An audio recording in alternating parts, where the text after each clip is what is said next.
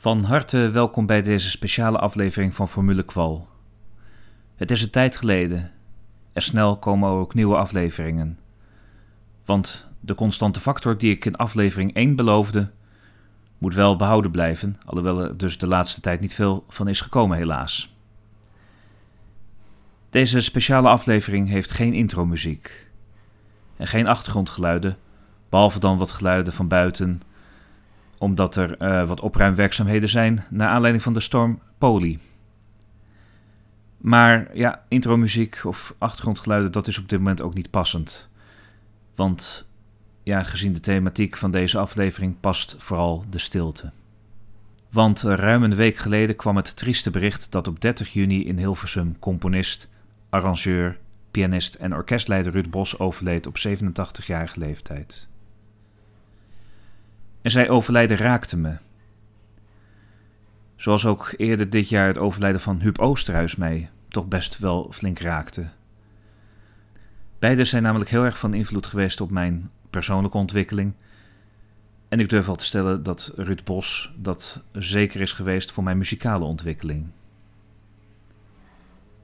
Ik durf hem zelfs een jeugdheld te noemen. En om dat te duiden ga ik even terug in de tijd. En ik ga terug naar 1992. Want toen keek ik als zevenjarig jongetje naar de droomvluchtdocumentaire Dromen met open ogen. Hierin was te zien hoe de attractie Droomvlucht ontstond en hoe het gebouwd werd. Ik was daar zeer van onder de indruk. En die documentaire had ook iets mysterieus over zich en Zelfs uh, misschien wat, iets wat engers als er opeens weer een close-up van een troll in beeld kwam of iets dergelijks. In ieder geval kijk ik er nog steeds heel graag naar. En nou, zo af en toe zet ik hem dus nog wel eens op. Maar toen sprak me al één heel kort fragment aan. En dat was het fragment waar je een man met een iets wat warrig kapsel en een grote bril aan een bureau muziek zag schrijven. Hij zat ook wat dingen uit te proberen op het keyboard. Dat was Ruud Bos, die bezig was met de muziek voor Droomvlucht. En in dat specifieke fragment was hij dan ook bezig met de muziek voor het Sompenwoud. Hij legde dan ook uit hoe hij door de tekeningen en schetsen van Ton van de Ven muzikaal op gang werd gebracht. En hoe dan het proces gaat dat hij wat laat horen en als men nog niet tevreden is gaat hij weer naar huis om wat nieuws te maken.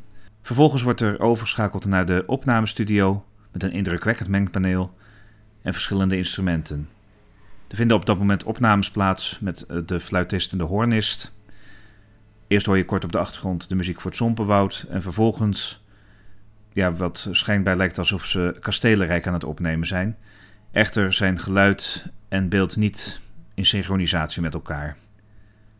Het geeft toch even een leuke kijk hoe het er in zo'n opnamestudio aan toe gaat. Later zag ik ook een keer op televisie de film Ik ben Joep Meloen, waar Ruud Bos samen met hoofdrolspeler André van Duin de muziek voor schreef. En in die film speelt André van Duin een mislukte en afgewezen componist. Zijn concerto grosso, waar hij zelf ontzettend trots op is, wordt steeds afgewezen. En in de film is er een fragment te zien waarbij Ruud Bos aan de piano zit en die ja, op uh, ja, enigszins eigen wijze het Concerto Grosso speelt als een popsong. Later in de film is hij nog te zien als een orkestleider.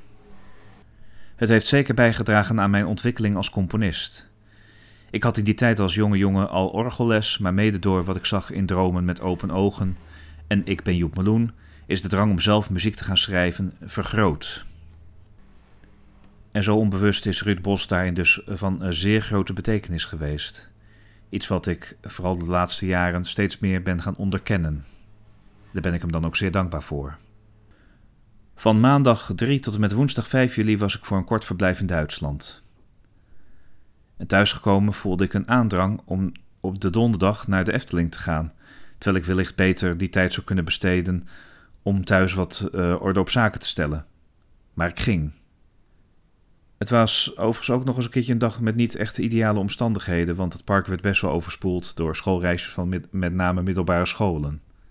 Maar pas in het park aangekomen wist ik waarom ik eigenlijk ja, toch die drang had om te gaan. Ik probeer namelijk uh, wel elke maand in ieder geval één keer naar de Efteling te gaan. En vaak doe ik dan, ga ik dan ochtend. Gewoon om wat attracties te doen. Een beetje de sfeer te proeven. Een rondje Sprookjesbos, noem maar op. Maar nu kwam er toch een extra lading bij. Want toen ik in de rij voor Vogelrok stond... en ik luisterde naar de muziek van Ruud Bos... dacht ik van, ja, daarom ben ik hier om afscheid te nemen van Ruud Bos door met hem in gedachten de attracties te gaan doen waar hij muzikaal bij betrokken is geweest. En zo begon ik dus inderdaad bij Vogelrok.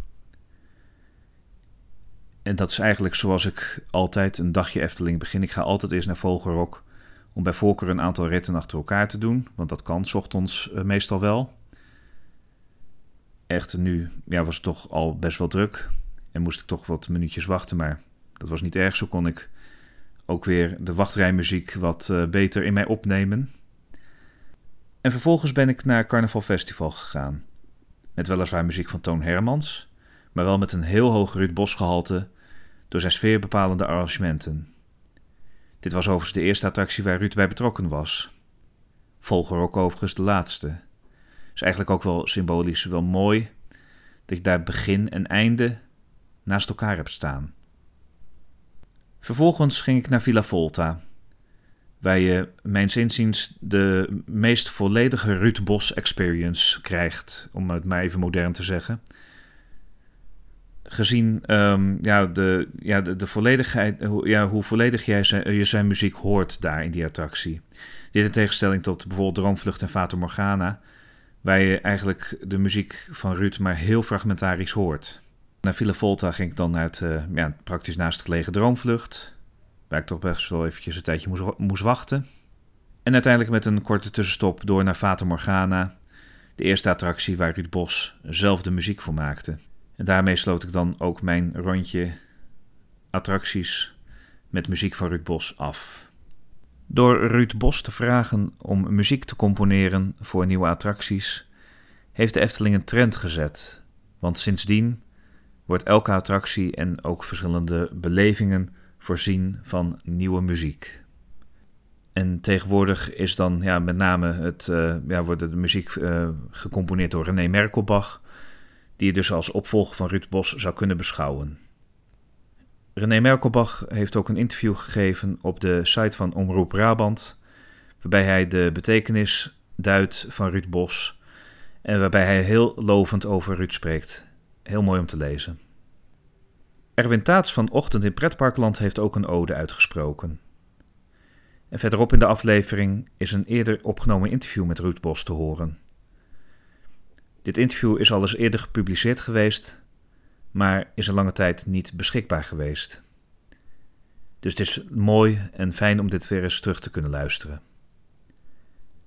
En verder is natuurlijk de fantastische documentaire van de Vijf Zintuigen waarbij Ruud heel uitgebreid aan het woord is over zijn werk voor de Efteling. Heel mooi om te zien. En ik hoop van harte dat de Efteling de nalatenschap van Ruud Bos nog voor een lange tijd zal koesteren. Dat de muziek, het liefst tot in eeuwigheid, maar in ieder geval nog heel erg lang zal klinken in het park. En wat mij persoonlijk betreft, ik heb Ruud Bos helaas nooit persoonlijk mogen ontmoeten. En dat is iets wat ik ook betreur. Maar ja, wat ik al eerder zei, hij is van betekenis geweest voor mijn muzikale ontwikkeling. En daar ben ik hem ontzettend dankbaar voor. En ik zal nog vaak naar zijn muziek blijven luisteren in de Efteling, maar ook bijvoorbeeld gewoon thuis, omdat ik er zeer van kan genieten van wat hij heeft gemaakt. Mijn persoonlijke favoriet is bijvoorbeeld Jungle uit Fata Morgana. Wat ik gewoon ja, door alle eenvoud, maar ja, prachtige muziek vind. En ik wil daar dan ook in het bijzonder in, in, in een volgende aflevering van Formule Qual aandacht aan besteden. Door dit stuk een keer te gaan analyseren. Het eigenlijk een beetje uit elkaar te halen om zo te kunnen duiden wat Ruud Bos heeft gedaan om zulke mooie muziek te maken met relatief eenvoudige middelen. Ik wens dan ook de nabestaanden van Ruud Bos heel veel sterkte toe met dit verlies. En ik zal volgens goed katholiek gebruik bidden voor zijn zielenrust.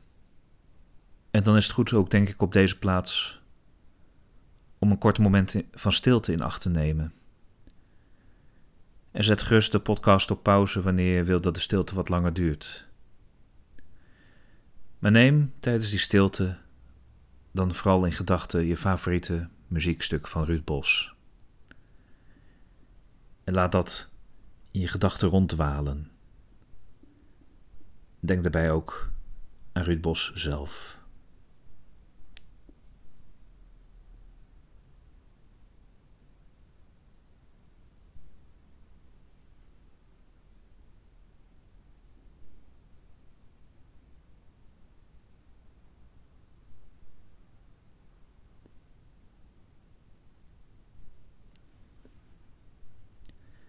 Dat hij mag rusten in vrede. Ruud, bedankt voor je fantastische muziek.